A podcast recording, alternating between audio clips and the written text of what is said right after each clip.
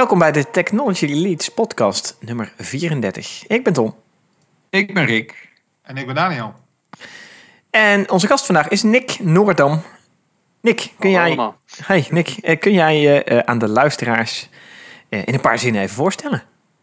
Ja, nou, hallo iedereen. Eh, Nick Noordam, consultant bij uh, Society Hightech. Ik ben eh, subject matter expert op het gebied van industrie 4.0 en eh, digital manufacturing. Precies, ja, en eh, je werkt nu eh, ruim een jaar eh, voor ons, geloof ik, hè? Klopt inderdaad, ja. Ondertussen. En je hebt hiervoor ook nog eh, eigen bedrijf geha- gehad, op het, waarbij je vooral met offshore en ehm, eh, nou ja, de hele maakindustrie wel te maken hebt gehad. Precies. en- ik, eh, het, mijn eigen bedrijf hiervoor de, ontwikkelde een nieuwe manier om windturbines op zee neer te zetten. Kijk, kijk, ja, Dat is ook gaaf. wel eh, hoogtechnologisch. Precies. En, eh, dat gaat nog steeds. Dat Kijk, eh, cool. gaat nog steeds goed. Maar eh, ik wilde weer wat anders en toen ben ik bij Society terechtgekomen. Gaaf, gaaf. Leuk, leuk, leuk, leuk. En eh, sowieso enthousiast over alles wat met manufacturing en dingen te maken heeft, 3D-printen en whatnot, hè? Ja, Oké, oké. Nou, daar gaan we het dadelijk uitgebreid over hebben als we Industrie 4.0 als topic eh beter gaan pakken. Eh, maar we beginnen met tech-updates. En eh, Daniel, wat is je tech-update? Ja, mijn tech-update gaat eigenlijk over de smartphone-markt. Eh, want eh, ik zag eerder gisteren al een berichtje over Apple die ehm, eh, hun kwartaalcijfers bekend hadden gemaakt. Mhm. En dat ze echt een krimp hebben gezien in de verkoop van de iPhone bijvoorbeeld. Ja, en dat heeft dus te maken met het coronavirus. En het schijnt dat het echt overal bij heel veel smartphonebedrijven gewoon niet heel erg goed gaat. Ehm, Nou ja, En- het, begint er natuurlijk al mee. Ik kwam eh, een paar dagen terug op het Leidseplein langs de Apple-winkel. Die is gewoon dicht. ja, ja, ja, dat helpt ook niet, hè? Ja. maar aan de andere kant compenseert dat ook wel een beetje. Want als je kijkt naar de, de pakketdiensten en weet ik veel wat allemaal. Ja, ik, ik zie, weet niet, ja, weet ik, weet ik veel hoeveel eh, eh, pakketten zie ik voorbij komen elke dag als ik het raam uitkijk. Er staan eh, busjes in de file hier voor het gebouw. Allemaal voor jou, hè, toch? Allemaal voor jou, neem ik aan. ja. Ja, ja, ja. Dat heb ik allemaal zelf gedaan. Oh, allemaal, allemaal bol.com dozen in de achtergrond bij jou. eh. Daarom is je achtergrond geblurred. Ja, ik wil de dozen verbergen. Ja, ja, ja, ja. ja. Ja. Als dadelijk de bel gaat, dan staat eh, je vaste bezorger aan de deur, zeker, of niet? Precies. Ze kennen me al bij mijn voornaam. Nee. nee, maar het is gewoon echt. Ik zie, ik zie gewoon heel veel eh, van die. eh, van die ja, de, de, de, de, de, ehm, PostNL en dergelijke die gewoon voorbij komen. Dus er is wel echt een flinke groei in, ehm, in het aantal pakketten wat besteld wordt. Dus het hoeft niet zozeer te betekenen dat mensen minder telefoons kopen, natuurlijk. Maar dat blijkt toch wel ik kan me wel voorstellen dat je nu niet onmiddellijk een nieuwe telefoon gaat kopen. Want heel veel mensen zitten te- eh, nu eh, de hele tijd via de computer te bellen. Dus je hebt je Ja. telefoon helemaal niet zoveel nodig. Je bent helemaal niet mobiel. Nee, precies. Nou ja, inderdaad. Stilte. Ja, nee, hij, is, hij is briljant, Tom. Nee, maar ik vond het wel een, eh, ik vond het wel een behoorlijk eh, verschil, zeg maar. Dus daar was ik wel van eh, geschrokken eigenlijk. Ja, want wat voor percentages hebben we het over? Nou, hier staat dan qua shipment. Bijvoorbeeld Samsung, die had eerst, eh, even kijken, 72 miljoen in Q1 twee- 2019. Eh, Q1 2020 is 59 miljoen. Dat is En wel serieus minder. dat is echt een serieus minder. Ja. Apple is ietsjes minder. Die zijn van eh 42 miljoen naar 40 miljoen gegaan. Eh, maar er zijn ook andere, Huawei bijvoorbeeld, die is ook 10 miljoen naar beneden gegaan. Een aantal, eh, aantal telefoons geshipped. En zo zijn er nog wel wat voorbeelden van, eh, ja, van onderdelen die, eh, ja, dat er weinig, of dat die heel erg achteruit gegaan zijn. En heeft dat eigenlijk- misschien ook mee te maken dat die fabrieken stil lagen? Want ze konden ze gewoon niet maken. Ja, dat zou ook kunnen. Ehm, ja, ik weet niet of dat alleen de reden is. Of dat het ook gewoon inderdaad is dat mensen zich niet, ja, geen zin hebben om grote aanschaffen te doen of zo in deze periodes. Ehm, Ja, het versterkt elkaar ook. Hè? Als, als je Ja. voorraad omlaag gaat, eh, ze zullen Ja. best wel wat buffer hebben. Maar als die omlaag gaat en op een gegeven moment wordt er ook minder gepromoot. Omdat er gewoon weinig voorraad is van die spullen. Waardoor mensen minder kopen. En omdat mensen minder in winkels komen en op straat rondlopen. En dus minder reclame zien. Mhm. Et cetera, et cetera, et cetera. Nou dat is ja, natuurlijk plus, even... er zijn wereldwijd natuurlijk heel veel mensen die nu hun baan kwijt zijn. Dus die gaan Ja. sowieso geen Ja. dure dingen Ja. kopen. Ja, ook. Precies. Dat is sowieso waar. Ja, precies, precies. Ja. Maar jullie hebben dus ook nog geen eh, nieuwe telefoon aangeschaft afgelopen tijd. Nou ja, ik had er in december net één gekocht. Hè. Die blijft niet aan de gang. Ja, ja, ja, ja, precies. Ja. Ja, die van mij kwam echt eh, een week, of nee, twee weken voor, eh, voor eh, dat we thuis moesten werken, had ik een nieuwe telefoon gekocht. dus ik heb er ook heel veel, heel veel gebruik van kunnen maken tot nu toe. Time. Jij, Nick? Jij nog een nieuwe telefoon gekocht?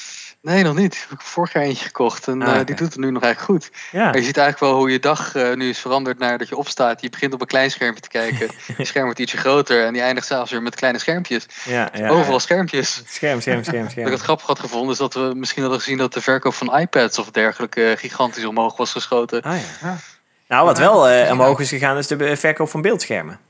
Ja, Ja, Heb ik al Oh, mee. ja. ja ik ook Dat. Ja. dat is wel eh, flink eh, gepiekt, eh, inderdaad. Tenminste, daar heb ik Ja, zelf ook aan meegedaan. Dus. Toetsenborden en zo. Ja, muizen, Mhm. webcams. webcams, Ja, headsets. ook. En die zijn niet meer te kopen, hè? webcams. Die zijn overal uitverkocht. Ja, precies. Ja. Ja. Ja, ja. dat, is, dat is helemaal waar. Dat is helemaal waar. Ja. ja, goed. Aan de andere kant, kijk, hier, dan zullen de andere dingen dus wel weer omhoog gaan. Ja, als we meer schermen Ja. verkopen of meer... eh, ja. ja, is het erg? Is het een... eh, ik weet het niet. Als je zag... Je kunt niet altijd blijven groeien natuurlijk ook op die markt, denk ik dan. Met al die mobiel, eh, eh, mobieltjes. Dat werd, werd echt miljoenen, miljoenen steeds meer. Elk jaar weer. Met elke nieuwe release van de, ja, de grote... Eigenlijk de grote twee heb je maar, hè. Samsung en, eh, en Apple. Ja, Mhm. Het houdt een keer op natuurlijk. En ja, dit is natuurlijk wel de...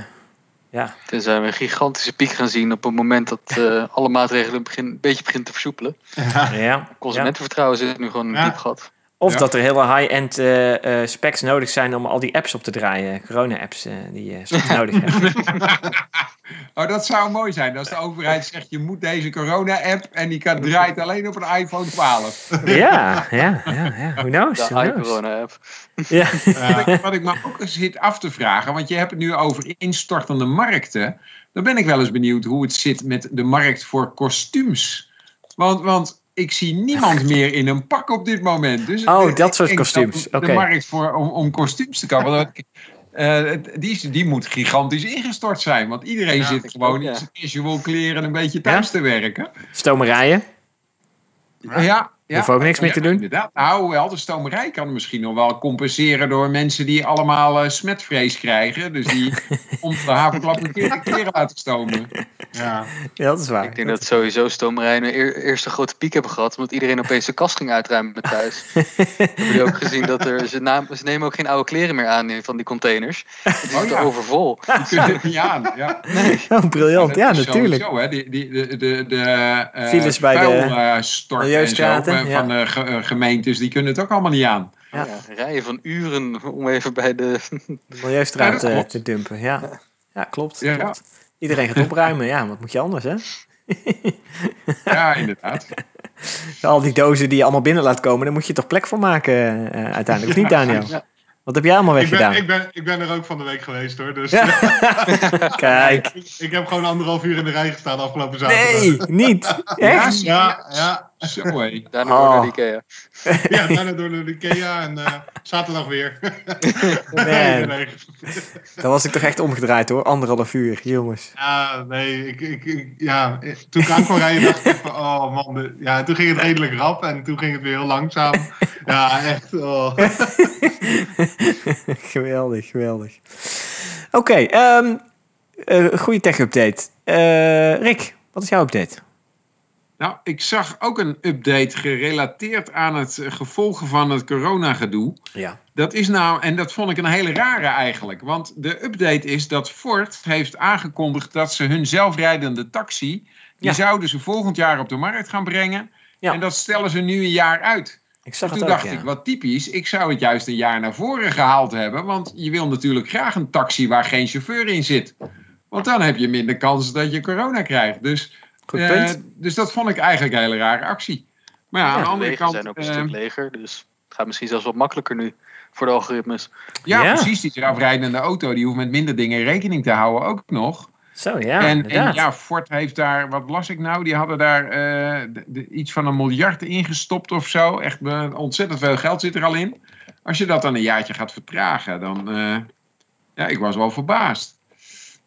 Ja, ja, ja, ik heb het ook gelezen inderdaad, het stuk. En het ging er vooral inderdaad over dat ze heel veel sensors nodig hadden om eh, eh, de wegen zeg maar, te scannen. En dat je niet alleen met LiDAR eh, uit de voeten komt. En dat, dat zij met hun technologie vooral ehm, een beetje aan het richten waren op dat er ook in de omgeving, dus in de, ja, in de steden zelf, waar ze willen gaan piloten, waar ze willen gaan rijden, moet ook heel veel geïnstalleerd worden aan hardware waar die auto's mee kunnen communiceren. En dat was nu heel lastig om te implementeren. Met, eh, met eh, eh, corona te maken, dat het. Jawel. Dan is het gewoon uitgesteld omdat de technologie niet klaar is. Ja, maar er zijn geen mensen om het te doen, om het te bouwen. Oh, op Dus, die manier. dus, ja, dus, ja. Dus ja. het is gewoon een productieprobleem of eigenlijk een R&D-probleem. Ja, ja, in die zin wel, ja. Ja, ja eigenlijk wel. Nou ja, en door, door corona zijn fabrieken dicht, zijn eh, productiestraten dicht, zijn hele ketens. hè, we, gaan, we gaan het dadelijk over eh, de procesindustrie en dat soort dingen hebben. Je ziet dat hele ketens, dat die gewoon stoppen door ja, dat delen daarvan, zeg maar, ergens stoppen. Ja, dat is niet het, het enige wat, wat tot stilstand komt. Alle spin-off daarvan ja, komt ook tot, langzaam tot stilstand. en ik kan me voorstellen dat dat de reden ja. is. Eh. Maar ik vind je opmerking wel terecht. Want je zou zeggen, ja, dit, dit zou juist de perfecte uitkomst zijn voor in de post-corona samenleving te hebben, zeg maar. Eh, zo min mogelijk eh, ja, mensen om mee te interacteren. Individueel Ja. in één voertuig zitten, dus niet met z'n twintig in een bus zitten. Ja, ik zie ook wel de voordelen ervan eh, eigenlijk. Iedereen zijn eigen zelfrijdende bureau. Ja, die hele kleine autootjes, één iemand erin, niks aan de hand. Ja, ja, ja inderdaad. Mooi elektrisch En- allemaal. En daarmee elkaar. laat je je dan rijden naar de eh, drive-in bioscoop. Oh ja. Want eh, dat moet gewoon kunnen natuurlijk. Dri- Ja. Dat ver- verbaast me ook dat er nog, nog eh, niet allemaal drive-in bioscopen opgestart zijn. Of ja. allemaal lege parkeerterreinen. ja, goed punt. Ja. Ja, Nou, dan moeten we gaan starten dan. Dat is een geweldig idee, Rick. Ja daarom. eh, Ik nou wel, eh, ik, ik kwam op het idee omdat ik zag dat ze, ze hebben ergens, ik ben vergeten waar, daar heb ik nou geen linkje naar, hebben ze een popconcert gedaan op die manier. Oh, Gewoon iedereen in zijn eigen auto en dan, eh, nou ja. Ik zou dat gewoon op het, ik zou het pa- parkeerterrein, de grootste parkeerterrein zoeken wat je bij een fastfoodketen hebt. Verdien je, kun je die ook nog laten betalen dat je daar het concert houdt en dat die dan weer omzet draaien. Oh ja, gewoon Nou, bij de drive-in, dan kan je eten halen en gelijk film kijken. Goed idee Ja. toch? Slim. Idee. Geld Ja. verdienen. Go. Ja, hoppatee. Dat is nog gratis ideeën hier in de podcast. eh. Hoppakee. Precies. Ik hoop dat de mensen van dit soort bedrijven luisteren. Die hebben een gelijk een goed idee. Ja, ja, ja, precies. Ja, of Tom doet de stiekem van het weekend al, dan eh net het live komt. Oh ja, Ja. Kaap ik die ideeën alvast als het inderdaad. een beetje, Ja. een beetje goede film is. Ja, waarom niet? why not? Why not? Ja, eens. Eens. Inderdaad. Ja, eh, goed punt. Goed punt, inderdaad. Ik snap dus dat het eh productie technisch lastig is, maar vanuit eh ander oogpunt ja, zou je eigenlijk willen dat ze het wel doen. Hè? Ja. ja, helemaal waar. Eh, nou, mijn nieuwsitem, mijn tech-update gaat over de maanlanders. Eh, dus ik zit gelijk te denken van, met hoe handig is het nu in deze coronatijd om naar de maan te gaan? Ja, misschien wel. Misschien kun je daar juist een samenleving op gaan bouwen die coronavrij is. Hè? Dat, eh, Als je maar zorgt dat die mensen die naar de maan gaan allemaal geen corona hebben. Dan Ja. hebben ze daarna ook geen kans meer dat ze het oplopen. ja, daarom. daarom. En, en die astronauten die moeten toch altijd al een tijdje in quarantaine voor ze weggaan. Dus eh, Dus dat is geen, geen probleem daar. Ah, en wel anderhalve meter, hè? Ertussen. Ja, ja, dat worden wel hele grote maanlanders trouwens. Ja. Een maanlander van minstens vijf meter maken. Anders dan ze die mensen er niet in. Ja, inderdaad. Als, inderdaad. als je dan kijkt hoe zo'n Soyuz-capsule eruit ziet, dan mag daar niet eens één astronaut meer in. Nou, inderdaad. Dat is zo krap. Ongelooflijk. Ja, ja, ja, ja, ja. ja dat geloof je niet. Ja, Ehm, mooiste, ja, oh nee, ga, eh, Ja, ja, je hebt het over Tech nieuwe update. maanlanders. Tech Ga- update. ga- Ja, maanlanders. Ja, want eh, eh, de NASA die heeft drie organisaties opdracht gegeven om ja, voor het maken van maanlanders voor de Artemis-missie. En ze willen in 2024 willen ze al mensen op, op, ja, op de maan rond hebben lopen eigenlijk. Dus nou, bijna tegelijk met die zelfrijdende taxis dadelijk, als dit zo, Ja. zo doorgaat. En sterker nog, ik heb zomaar het idee dat ze dit nog versnellen, ook op de een of andere reden. Ze zijn er best wel geld in aan het pompen, 100, 230 miljoen voor Dynetics. eh, Blue Origin krijgt 580 miljoen bijna. En ehm, ik geloof dat, ehm, ja, wat was die andere nog? Eh, SpaceX, SpaceX. inderdaad, die krijgen ook 135 miljoen nog eens een keer. Dus, Ja. zijn wel flinke bedragen. Ehm, eh, ze spreiden dus natuurlijk ook. Ja, deze op, eh, ze spreiden hun opdrachten. Ze geven eigenlijk gewoon drie opdrachten parallel om, eh, denk ik, tenminste is mijn gedachte erachter, dat ze straks niet in een situatie belanden dat ze helemaal geen mogelijkheid hebben om eh, dingen de ruimte in te schieten en ze alleen maar van de Russen afhankelijk zijn. En op deze manier ja, verspreid je dat en ga je ook drie verschillende soorten systemen ehm, ga je op inzetten om, om ja, de ruimte in te kunnen. En ehm, uiteindelijk is wat NASA doet, dus die zetten alleen maar hun eigen capsule erbovenop. En eh, ja, wat er dan onder zit om het ding omhoog te schieten, maakt in principe helemaal niet, zou niet uit moeten maken. Hè, om die Orion-capsule erop eh, te, te zetten. Eh, met een paar astronauten erin en dan ben je, ben je klaar. Dus ja, dus ik, ben, ik vond het wel interessant eigenlijk om te zien dat ze dat zo eh, nou, bijna slim aan het doen waren eh, op deze manier. Om het in de markt uit te zetten. proberen te voorkomen. Ja, in, precies. Vendorlock in voorkomen. eh, in de, markt, de marktwerking eh, laten gelden hier. Dus niet gewoon miljarden tegenaan kletsen. En eh, eh, maanmissies eh, wegschieten, zeg maar. Om te winnen van de Russen. Maar gewoon een, een normaal, redelijk normaal mechanisme te gebruiken. en, en, en dit ja, een beetje in gang te laten zetten, zeg maar. Dus ah, ik vond het wel, wel mooi. En was natuurlijk ook een soort van eh, eh, voorinschrijving, geloof ik. Want er zijn ook al bedrijven afgevallen die, die niet mogen. Dus ja, ik, eh, ik zie hier wel, eh, ik, zie, ik zie ons wel in eh 2024 op de maan weer lopen. Als ik dit zo Ja, zie. dat is toch wel leuk, want het is inmiddels alweer 50 jaar geleden. Zo, of tegen die tijd is het meer dan 50 jaar geleden dat de laatste man de maan weer verlaten heeft. Ja, ja, exact. Ja. Dus, exact. ik, Dus- kwam, ik kwam van de week trouwens nog twee aardige feitjes. ja, vooral voor in de pubquiz categorie tegen over de, de, de, de Buzz Aldrin, weet je wel. De Ja. tweede man die op de maan heeft gestaan. Ja, Wat denk je dat de meisjesnaam van zijn moeder was? geen, geen idee. Nou, simpel. Moon. Oh ja, ik wou, ik wou zeggen Moon, maar ja, ja. Moon.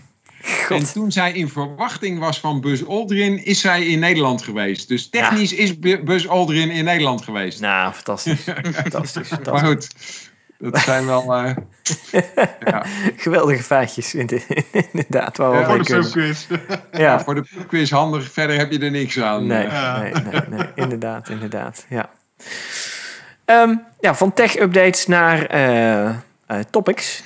Industrie 4.0 gingen we het over hebben. We hadden het net al een beetje over procesindustrie die, ja, ik weet in sommige gebieden grinding to a halt aan het komen zijn. Ehm jij houdt je bezig met Industrie 4.0. Digital manufacturing, hè, als mooie allesomvattende term, eh, eh, Nick. Mhm. wat, eh, ja, wat voor oplossingen hou jij je doorgaans mee bezig bij onze klanten? Ja, eigenlijk komt het allemaal heel simpel samen tot hoe haal je ergens data uit en wat doe je dan vervolgens met die data om je processen te verbeteren. Mhm. En dat is iets wat heel simpel lijkt, maar in de praktijk vaak vrij moeilijk blijkt om voor elkaar te krijgen. Op een eh, manier die ook nog wel kostefficiënt is en eh, het werk ook benefits oplevert. Ja, en, En, dan moet eh, ook daar nog- adviseren wij met name over. oké, en, en het moet natuurlijk ook een beetje schaalbaar zijn, dit soort dingen. Het moet schaalbaar zijn. Het moet op allerlei verschillende manieren aanpassen. Er zijn heel veel stakeholders. Mhm. Die, als je maar een kastdeurtje optrekt, komt er weer een nieuwe uitvallen, lijkt het soms. In zo'n fabriek. En eh, ja. Ja, en het zijn, en het zijn, je zegt fabrieken, zeg maar. Dat, het zijn echt factory floor omgevingen waarin eh, dit eh, ja, met name dat is wel plaatsvindt. het eh, voornaamste waar we ons op mikken binnen de groep. oké, maar dat eigenlijk, om het goed te doen, dan moet je het al vrij gauw breder trekken. En moet je niet alleen, alleen kijken naar de fabrieksvloer zelf, Mhm. maar ook naar alle toeleveranciers.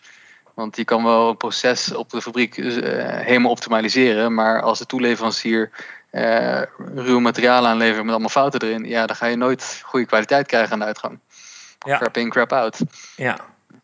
Oké, dus die moet je ook meenemen in die keten. Die moet je ook nemen. En de afzetter. Oké. We hebben eh, één voorbeeld eh, die we bijvoorbeeld tegenkwamen, was een klant die eh, heel veel kwaliteitsproblemen werden gemeld door de klanten. Mhm, mhm. Eh, door zijn klanten weer. En waar we uiteindelijk achter kwamen dat de kwaliteitsproblemen niet ontstonden tijdens het productieproces.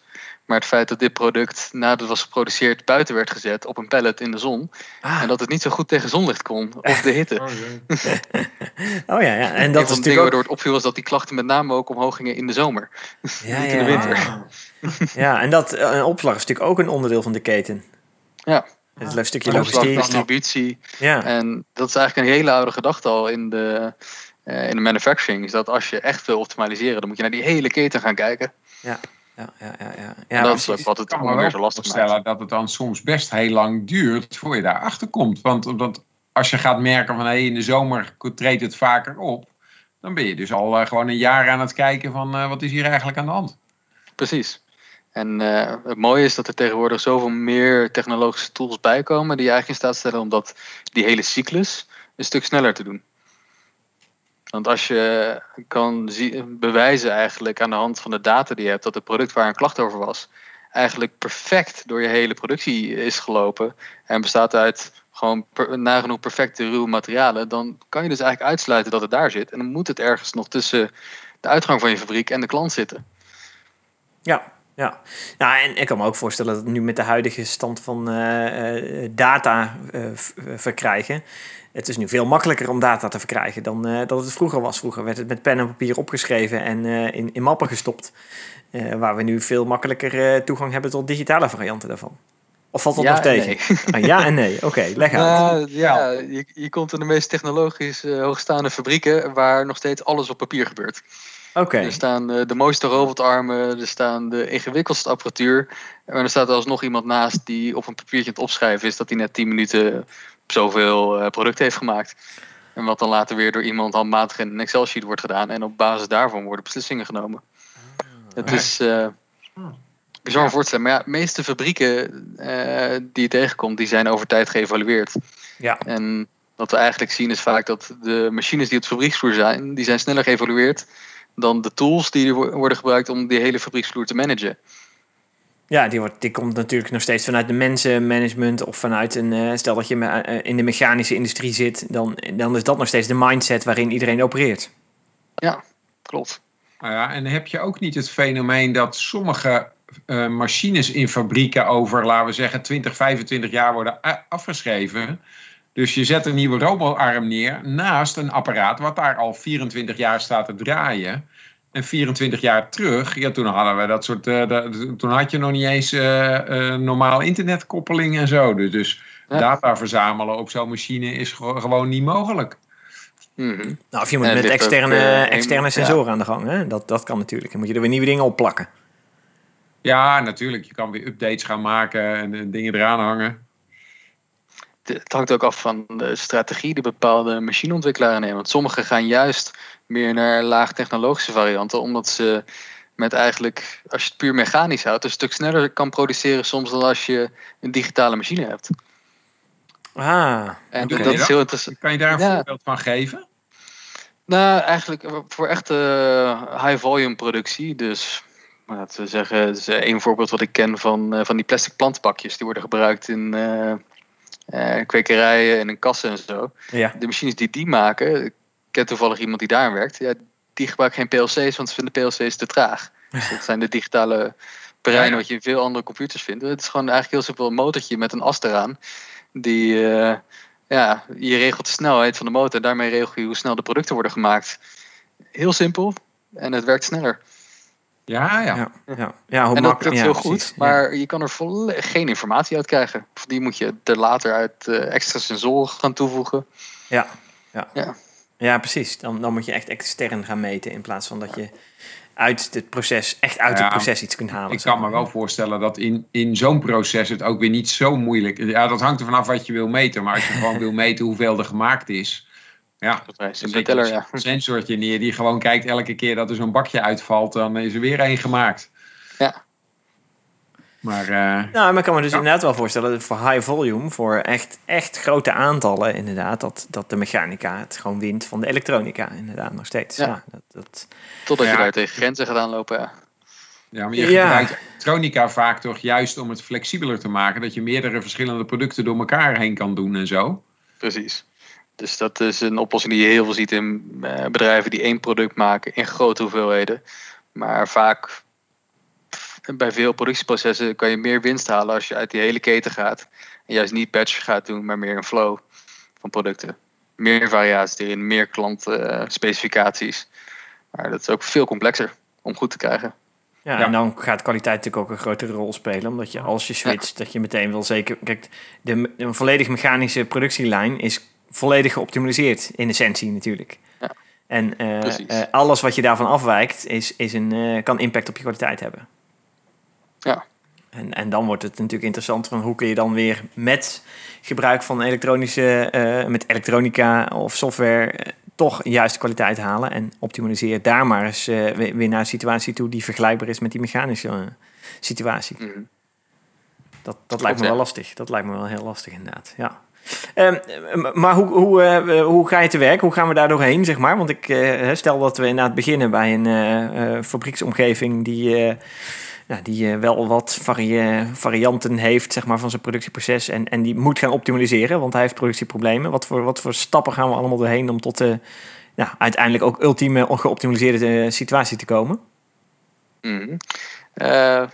Eh, het eerste is realiseren dat het niet zomaar één projectje is. Het is echt een, eh, het is een volledige reis die je als eh, fabriekseigenaar zult moeten doen om te gaan digitaliseren.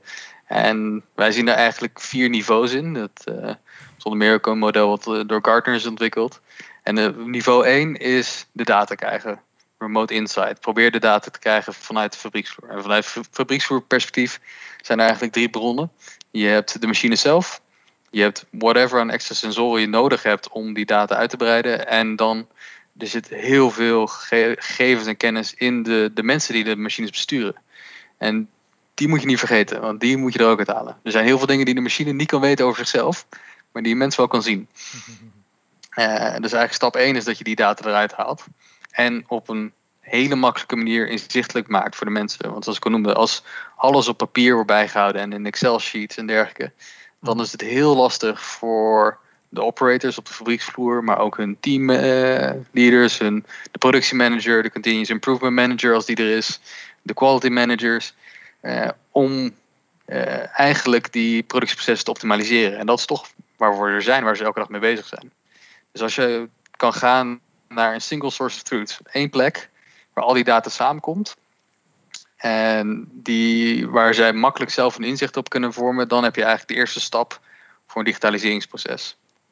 De volgende stap is dat je het, het krijgen van die inzichten op basis van de data gaat automatiseren. En Er zijn tegenwoordig allemaal tools over om eh, mensen te helpen dit te doen. Of eh, tools die ook zelf die inzichten genereren. De derde stap is dat je dan eh, eigenlijk wat je gaat doen met die inzichten is een bepaalde actie. En het doen van die acties, als je dat kan automatiseren, dan ben je weer een stapje verder. Dus eh, iets wat noemen predictive services. Iets wat vaak wordt genoemd bijvoorbeeld predictive maintenance. Als een machine zelf kan zeggen van je zult over een week maintenance moeten uitvoeren. En dat zelf kan regelen met de maintenance afdeling, is dat iets wat je uit handen kan nemen eigenlijk van de, de rest van de management in zo'n fabriek, zodat zij zich kunnen focussen op andere problemen. En de vierde, dat is eh, eigenlijk de holy grail binnen digital manufacturing, dat noemen we de digital twin. Dus als je echt een volledige digitale representatie hebt van je, van je fabriek, van de processen die erin lopen, en het liefst ook van de hele keten. En dat dat een representatie is die ook voor zichzelf kan gaan denken. Dat je die een opdracht kan geven van, god, ik wil volgende, eh, volgende maand wil ik zoveel produceren. En dat eh, eigenlijk je digital twin komt met een plan, dat is goed, dan gaan we dat zo doen. Cool, cool. Ja, dat, dat, dat is wel een heel mooi eindpunt, zeg maar, wat je daar schetst. eh, Ja. eh, als het Dat is heel mooi eindpunt. Heel Ja. lastig om te komen. Heel lastig om te komen, inderdaad. Ja, ja maar ik kan me ook heel goed voorstellen dat juist een digital twin van, zo- van je hele eh, ja, productieproces, ja, dat, dat gaat je inderdaad enorm stappen helpen. Maar dat je dan ook misschien niet eens, eh, dat je er ook nog digital twins van de producten zelf nodig gaat hebben om eh, Ja. eh, daar doorheen te loodsen.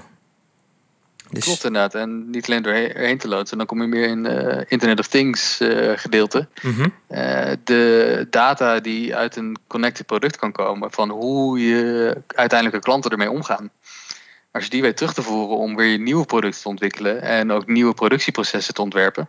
Ja, dan, dan heb je een gouden combinatie. Ja, ja, ja, ja, precies. Dan optimaliseer je op twee, twee assen eigenlijk zo'n beetje. Eh, ja, ja. Ja. ja, Oké, oké. Ah, dat is wel gaaf inderdaad. Dat kan ik wel zien, eh, zien gebeuren, inderdaad. Eh, en wat, wat is nou, wat, want jij zegt dat is de Holy Grail, dat is een eh, lange journey om daar te komen, lange reis om daar te komen. Maar wat is nou, wat is nou nummer één ja, valkuil, pitfall van, van dit hele proces? waar gaat dit nou, waar, valt, waar gaat dit nou op stuk? Ehm, dus er zijn er meerdere waar je in kan eh, struikelen. Ja. Ik denk eh, stap 1 is als je niet een. ehm begin met een goede basis. Dus niet begin met een goede strategie om de data uit je fabrieksvloer te ontsluiten. Ja. Want wat we heel veel zien bij klanten is dat eh, het allemaal gaat op basis van use case. En dat is ook vrij logisch, want voor een enkele use case is vaak een goede business case op te schrijven. Mhm. Is er een goed budget te krijgen en kan je die gaan uitvoeren. Zoals bijvoorbeeld een eh predictive maintenance use case. Alleen wat we dan zien is dat de oplossing die wordt ontwikkeld voor die ene use case is zo specifiek. Dat als je een nieuwe use case wilt gaan doen, je eigenlijk van vooraf aan moet beginnen. Ja. En tenzij als je een meer holistische aanpak neemt aan het begin. Mhm. En dat hoeft niet heel duur te zijn tegenwoordig, want er zijn steeds leukere tools beschikbaar om dat te doen. Dan kan je dus zeg maar een platform creëren waarop je heel makkelijk nieuwe use cases steeds kan gaan blijven ontwikkelen. Ja. Dus ik denk dat dat de grootste valkuil is waar eh, meeste bedrijven in zien lopen. En eh, want vaak probeer je in zo'n use case proberen ze al naar de digital twin te komen, maar op één heel specifiek stukje. Ja, ja, ja. ja, en dus dan wordt- je oplossing vrij dun, zeg maar, die aan het einde eruit Ja, rolt. Ja, Precies. Oké, oké. Dus, Maar, maar wordt het. Ik kan me wel voorstellen dat ze Twin willen, omdat dat heel complex kan worden, toch? Ja, ja. Eh, aan de andere kant is het ook weer het buzzwoord dat vaak wordt genoemd en eh, wat goed klinkt in een. PowerPoint slide. ja. Ja, en digital twin hoeft natuurlijk aan- uiteindelijk ook niet een compleet volledig eh, gedetailleerde Nee. versie te zijn. Hè? Er mag ook best wel abstractie eh, in zitten, toch? Ja, nee, zeker. Dat, eh, er zijn veel verschillende niveaus daar in ook aan te duiden. Exact, exact. En je kunt ook weer daar natuurlijk gewoon itereren naar en, en elke keer stapjes verder om detailniveaus omhoog te brengen in zo'n digital Ja. Je kunt grofstoffelijk beginnen, zou ik denken. Mhm. Zonder Nou, ik kan me wel voorstellen dat je dus eigenlijk ehm, dat, je, dat je wil beginnen met juist die papieren procesjes eruit te halen en dergelijke. In het hele proces. En dat je dan later pas natuurlijk naar die digital twin gaat kijken. Maar het lijkt me ook wel weer lastig als je met klanten aan het praten bent die eh, iets hebben gelezen over digital twin of die het als buzzword zien. ja, ik zie dat zelf ook natuurlijk bij al mijn klanten eh, regelmatig. Dat ze juist ja, altijd over die stip op de horizon willen praten. Terwijl ze eigenlijk veel dichterbij moeten kijken. En Mhm. daar eerst dingen op orde moeten krijgen eigenlijk. Maar Ja, dat nee, lijkt me hier niet anders. Dus ehm, Ja, dat is precies inderdaad wat er gebeurt. En, eh, ik denk nog een, eh, een bijkomende valkuil is als je dat niet goed doet. Als je niet goed oplet van hoe je wat nu vaak een papieren workflow is, gaat vervangen. Ja, er zijn heel veel mensen bij betrokken. En als je die change management ook niet meeneemt. En als je alleen maar over technologie aan na bent, denk van we gaan hier een sensortje plakken, we gaan daar een datapuntje uittrekken, dan gaan we daar een modelletje draaien. Maar als de gemiddelde fabriekswerknemer geen idee heeft van hoe dat op zijn werk van impact gaat zijn, dan gaat het ook niet gebruikt worden. nee, We precies. zien ook wel projecten die wel zijn opgestart, die iets heel moois hebben gemaakt. Maar dat draait dan ergens op een computer die in een hoek staat te verstoffen en niemand kijkt er ooit naar. Ja, ja, ja, dat is dan ook weer zonde inderdaad, ja. Eh, eh, maar goed, jij zegt oké, de eerste stap is dus eh, data. ehm, ehm, eh, data ergens uithalen, zeg maar. En dan? dan wat, wat ga je met die... Want dan moet je die data gaan verwerken, zeg maar. Is dat dan niet een heel complex proces om die data... Want je moet dan eigenlijk moet je de, het hele productieproces gaan eh, ehm, doorgronden, digitaal maken. En, en daar, ja... met, met gebruik van de data, zeg maar, weer een nieuw proces van maken. Ja, Is dat niet heel omslachtig? Want dan heb je ja, een soort kopie van wat je al had. ja op die manier. Ja. Het, ehm, dat is gek genoeg niet de meest omslachtige. Eh, het meest omslachtige is ehm, het aantal uitzonderingen op de regel die er komen zodra je dat gaat doen. Want zodra je de data gaat verwerken, Hm? we hadden het al eerder van stel je hebt een fabriek met allerlei verschillende machines. Ja. Uit de, een- uit de ene machine komt, eh, zitten drie temperatuursensoren, waarvan eentje stuk is. Uit de volgende zitten er misschien vier, Mhm. waarvan eh een een andere regelrange heeft. En eigenlijk gaat er heel veel werk zitten in die data naar één standaard model zien te krijgen. Of die Ah. hele stap wordt gewoon overgeslagen. dus een eh, belangrijke stap is eigenlijk dat je een, nou, we noemen het een semantisch model maakt Mhm. van je machine. Dat is wel een eerste stap naar een digital twin eigenlijk. Dus dat je één model maakt die gelijk is voor al je machines waar je de data eigenlijk in kan pluggen. Als je dat hebt, dan kan je heel makkelijk eh, juist de volgende stap doen. Dan kan je heel makkelijk analyses erop loslaten. Ja. Omdat je altijd precies weet wat voor data je in huis hebt. Ja. ja. En dan kun je dus gewoon gaan spelen, zeg maar, met al die data. Kun je zelf eh Ja. eh, apps omheen bouwen om, precies. jouw En proces dat wat wordt je normaal... makkelijker gemaakt tegenwoordig. Oké. Eh, als je kijkt naar eh, tools als Power BI bijvoorbeeld om dashboards te maken, Power Apps om apps te maken. Het zijn hele low-entry eh, applicaties die je kan gebruiken om iets neer te zetten. Zelfs voor mensen die geen data science achtergrond hebben. Mhm. En laten we wel wezen, de meesten met data science achtergrond, er lopen misschien een paar rond in zo'n fabriek, maar dat is niet het gros. Nee. Dat is niet een core business. Ja, precies. Dus de, ci- de citizen data scientist, die, die moet je zien te ondersteunen. Ja, ja, ja, ja, precies. Ja. En, dan versnel je dus heel erg je proces om. eh, eh, hè, nou gebruik je echt de kennis van die fabrieksvloer. eh, eh, om die digitalisering niet alleen snel vorm te geven, maar ook nog eens de juiste vorm te geven, omdat je hun kennis erin stopt. Ja. Oh, Oké, cool. Ja, er is, bij elk bedrijf is er wel zo'n zo'n zo'n guru volgens mij die de Excel normaal bijwerkt. Degene Ja. die, de, die, die de Excel eigenlijk eh, gebruikt, die, die, die alle eh, papiertjes aan het invullen is, die uiteindelijk denkt van, goh, hier kan, hoe kan ik hier nou mooie, eh, mooie informatie van maken? Mhm. Ja, en dat is, dat is nou denk ik juist de persoon die je daarin moet meenemen. Precies. En vaak is dat dan de, de SIM, de Continuous Improvement Manager, als ze daaraan doen. Eh, die is daar heel erg mee bezig. Ja, Dat is, ja. eh, ja, die zoekt continu een handvaten om zijn proces eh, te verbeteren. En Ja. ja, al, als hij daar getallen voor kan gebruiken, is, eh, des te beter natuurlijk. ja, Ja, en als je zijn proces kan versnellen. Mhm. En, eh, en hem ook de tools geeft om. Want hij moet vaak eh, heel veel veranderingen voorstellen. En ja, veranderingen kosten geld. Mhm. Zeker in een fabri- fabriek die draait. Elke uur downtime om weer een leuk nieuw idee uit te testen. Ja. Dat is vrij prijzig. Ja. Maar als je kan onderbouwen vanuit de data waarom het een goed idee is. Ja, dan sta je sterk. Ja. Wat zijn dan eigenlijk de drijfveren voor bedrijven om hier allemaal mee aan de gang te gaan? Want zijn ze uiteindelijk uit op, op eh, kostenbesparing of flexibilisering of minder mensen? Of, kan alle drie zijn. ja, ja. Va- varieert heel erg van bedrijf. Het is, eh, je komt bedrijven tegen die tegen max aan het produceren zijn, denken ze. Ehm, en maar vragen blijven krijgen. En het enige waar zij naar zoeken is hoe krijg ik meer geproduceerd. Aan de andere kant krijg je bedrijven waarvan je weet, waarvan ze zelf weten van ja, er is op dit moment niet genoeg vraag voor wat we doen. Dus we willen vooral dat wat we doen, we zo goedkoop mogelijk produceren. En of dat is dat je met minder mensen werkt of eh, minder fouten maakt, hoge kwaliteit aflevert, dat is eh, vaak de tweede. Ja. ja, precies. precies. Ja, ja inderdaad. Ja. Ja. Allerlei Een, eh, mogelijkheden. een mooie samenvattende term vaak voor, voor waar bedrijven naar streven is een verbetering van OEE. OEE, dus op- Overall Equipment Effectiveness of Efficiency. Het hangt een beetje vanaf van wie het vraagt. Maar dat is eh, een belangrijke metric eh, die aangeeft in drie termen eigenlijk hoe goed je fabriek het doet. Dus aan de ene kant availability. Dus je plant een, dat je een aantal machines gaat gebruiken. En eigenlijk maar die ratio tussen wat je hebt gepland en wat je daadwerkelijk hebt kunnen managen aan een aantal uren dat er productie is gedraaid. Dat is je, je eerste cijfer eigenlijk.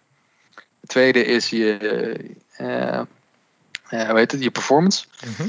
Dat is het verschil tussen wat je in de uren dat je daadwerkelijk aan produceren had, theoretisch had kunnen maken en wat je daadwerkelijk hebt gemaakt. Want vaak staat er wel op een machine van hoeveel producten per uur zou kunnen moeten maken. Of je hebt er wel een ruw idee van, maar wat je daadwerkelijk aan het doen bent, dat is eh, wel interessant. En dan de derde is kwaliteit. Dus van wat je daadwerkelijk hebt gemaakt, hoeveel ervan was ook, is niet afgekeurd in de quality control achteraf. En vaak zien we bedrijven die die drie proberen te optimaliseren. Hele optimistische bedrijven die zeggen dat ze al op een 80% zitten, zeg maar. Dus dat is de vermenigvuldiging van die drie eh, percentages. Eh, maar dat is gebaseerd op incomplete data. En zodra je zeg maar, data per minuut gaat krijgen uit machines, dan verschijnt er soms een heel ander plaatje. Ja, precies. Eens, eens. Ja. Ja, ja, ja. ja. Ehm, uiteindelijk willen we dus eh, eh, voorspellend worden hè? En, eh, en zelfs gaan, vo- gaan voorschrijven hoe dat, eh, eh, eh, ja, het proces zich zou moeten gaan verlopen. Of eigenlijk zou je het je een digital twin willen eh, laten voorschrijven aan het echte proces, wat, hoe dat het zou moeten gaan verlopen. Dat zou dus een soort ultieme eindsituatie zijn, toch? Ja. Eh, dus Twin die het tegelijkertijd bijstuurt ook. ja, ja, ja, precies, precies. Dus dan heb je eigenlijk een soort robot, ja, een soort digitale robot of zo, die het proces eh, bestuurt en bijstuurt. Moet ik het zo zien? Ja. Eigenlijk wel. Oké. Een nieuwe collega gecreëerd.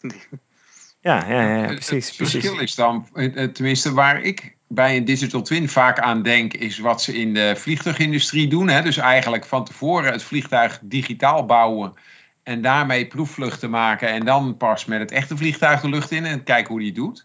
Mm. Maar waar jij nu op hint is eigenlijk dat terwijl je met het echte vliegtuig aan het vliegen bent, ga je ook op de digital twin kijken en ga je op basis van de digital twin eh, het echte vliegtuig veranderen, zeg maar. On the fly. Dat is inderdaad wel, eh, dat is wel boeiend. Nou ja, het, het past ook weer bijna bij wat we ooit een keer hebben opgeschreven over eh, de predictions natuurlijk. eh, over voorspellend worden. Ehm, eh, ook in testen, ook in, en je hebt een hele hoop processen waarin je datzelfde principe op los kunt laten natuurlijk. Hè? Dat je Ja. het voorspellend worden en, en daarmee met die voorspellingen, hè, want je hebt meerdere voorspellingen doe je meestal. Dat zal in eh, factory om- omgeving ook zijn. Je hebt een aantal voorspellingen. Ja. Maar er is maar één van die voorspellingen, hoop je, dat de waarheid gaat worden. En de truc is natuurlijk te kiezen van die hele set met voorspellingen welke de beste is. En, en daarna te acteren. Dat is uiteindelijk waar je naartoe wil. Ja. Ja. Kan ik me voorstellen. Oké, oké. Cool. Ehm, ja, ik eh, eh, zit even naar de tijd te kijken. Ik denk dat we eh, een beetje richting het einde gaan van deze podcast. Dus ik voorspel een, een snel einde van deze conversatie. Is dit nou voorspellen of voorschrijven? Ja, eigenlijk ben ik een beetje prescriptive hè, hierin. Eh, ik, stuur, ja. ja, ja, ik stuur wel heel erg aan op een bepaalde uitkomst op dit ja, moment. Je, je weet niet, misschien heeft eh, Nick nog een hele mooie laatste eh, dingetje... wat hij toch nog wel even met ons aan ons wil meegeven. Dat zou kunnen. Heb je nog een mooie uitsmijter, eh, eh, Nick? Die, eh, een mooie gedachte die, eh, Een mooi voorbeeld. die onze luisteraars... misschien wel een leuk voorbeeld, ja. Leuke anekdote ook. eh, Ja? Eh, dat je soms niet eh, te gek moet eh, kijken op technologie. Dus is namelijk een eh, bepaalde fabriek, ik ga geen namen noemen, Mhm. maar waar ik meerdere keren ben geweest. Oké. Ehm, en waar echt een schitterende fabriek, hele mooie apparatuur, het nieuwste van het nieuwste. En er is één plek in het productieproces dat een hele grote robotarm in een beschermende kooi, zeg maar, de producten van de rollende band moest pakken, op een pallet zetten. En die pallet ging dan vervolgens naar het wa- warenhuis. En eigenlijk moest die robotarm, die moest de producten eraf pakken, maar ook steeds soms een laagje eh, karton ertussen doen Oké. gigantisch apparaat. Ging super snel. Er was alleen één ding wat op een gegeven moment misging. En dat was dat die zuignappen die het karton moesten oppakken, die waren, daar was iets mis mee. En ze wisten niet precies wat. En wat ik eigenlijk zag ontstaan, is niet zozeer dat dat probleem werd opgelost. Maar dat de operators op de fabrieksvloer er zelf een oplossing voor bedachten. Die maakten namelijk een soort rudimentaire speer. Die ze door de beschermende kooi heen staken. zodat ze het ene stukje karton konden opwippen. Zodat het net hoog genoeg kwam. Dat het werd weer opgenomen door de zuignappen. en ik ben bij deze fabriek meerdere keren geweest. En gewoon eigenlijk, eh, ik was er een week en dan kwam ik de volgende week weer terug. En ik zag hoe dat die tool, die speer eigenlijk zich zoals een holbewoners dat vroeger ook deden, eh, evolueerde. Want het begon met een houten stok. Ze hadden gewoon een oude bezem gepakt en er een punt aangeslepen. Aha. De week daarna kwam ik er terug, toen was het een eh, metalen buis geworden. Die hadden plat geslagen. De week daarna hadden ze op het uiteinde een, eh, zeg maar zo'n eh plamuurmes eh geduct heeft. Dat gaf toch een net iets betere toegang. En dan k- kwam ik daarna, dan hadden ze volgens mij handvaten er zelf op gemaakt. En toen ik daarna kwam, toen was er een ingenieur geweest en die had het probleem met de robotarm opgelost. Ja. Dus ik denk van, ja, Geniaal. je kan de meest technologische dingen toevoegen, maar je moet soms ook echt vertrouwen op de mensen die eh, op de fabrieksvloer staan. ja. Die het hele proces aan de, aan de gang houden. Nou, gaaf, gaaf. Dus dat ook inderdaad de low-tech kant ook... eh, Ja, zo'n geduct tape plamuurmes. eh. Ja. En dan- en daarmee voor je, wordt dan je miljoen dollar fabriek in, in, eh, in stand gehouden. Precies. heerlijk, heerlijk, heerlijk, heerlijk. Ja, dat mooi. zijn, eh, Het zijn Ja. de mooie verhalen inderdaad. Ja. Inderdaad een mooie om bij af te ronden. Ja. Nou, mooi. Eh, eh, mooie anekdote inderdaad om mee af te ronden. Dankjewel Nick eh, voor eh, wat Ja. inzichten in eh, Industrie 4.0 processen. Hoe daar te komen, wat de pitfalls zijn en eh, wat voor eh, leuke situaties daar allemaal wel niet in tegen kan komen. Eh dankjewel luisteraars voor het luisteren naar deze podcast. En ik zou zeggen tot de volgende podcast. Ja, Tot de volgende tot de volgende. Doei.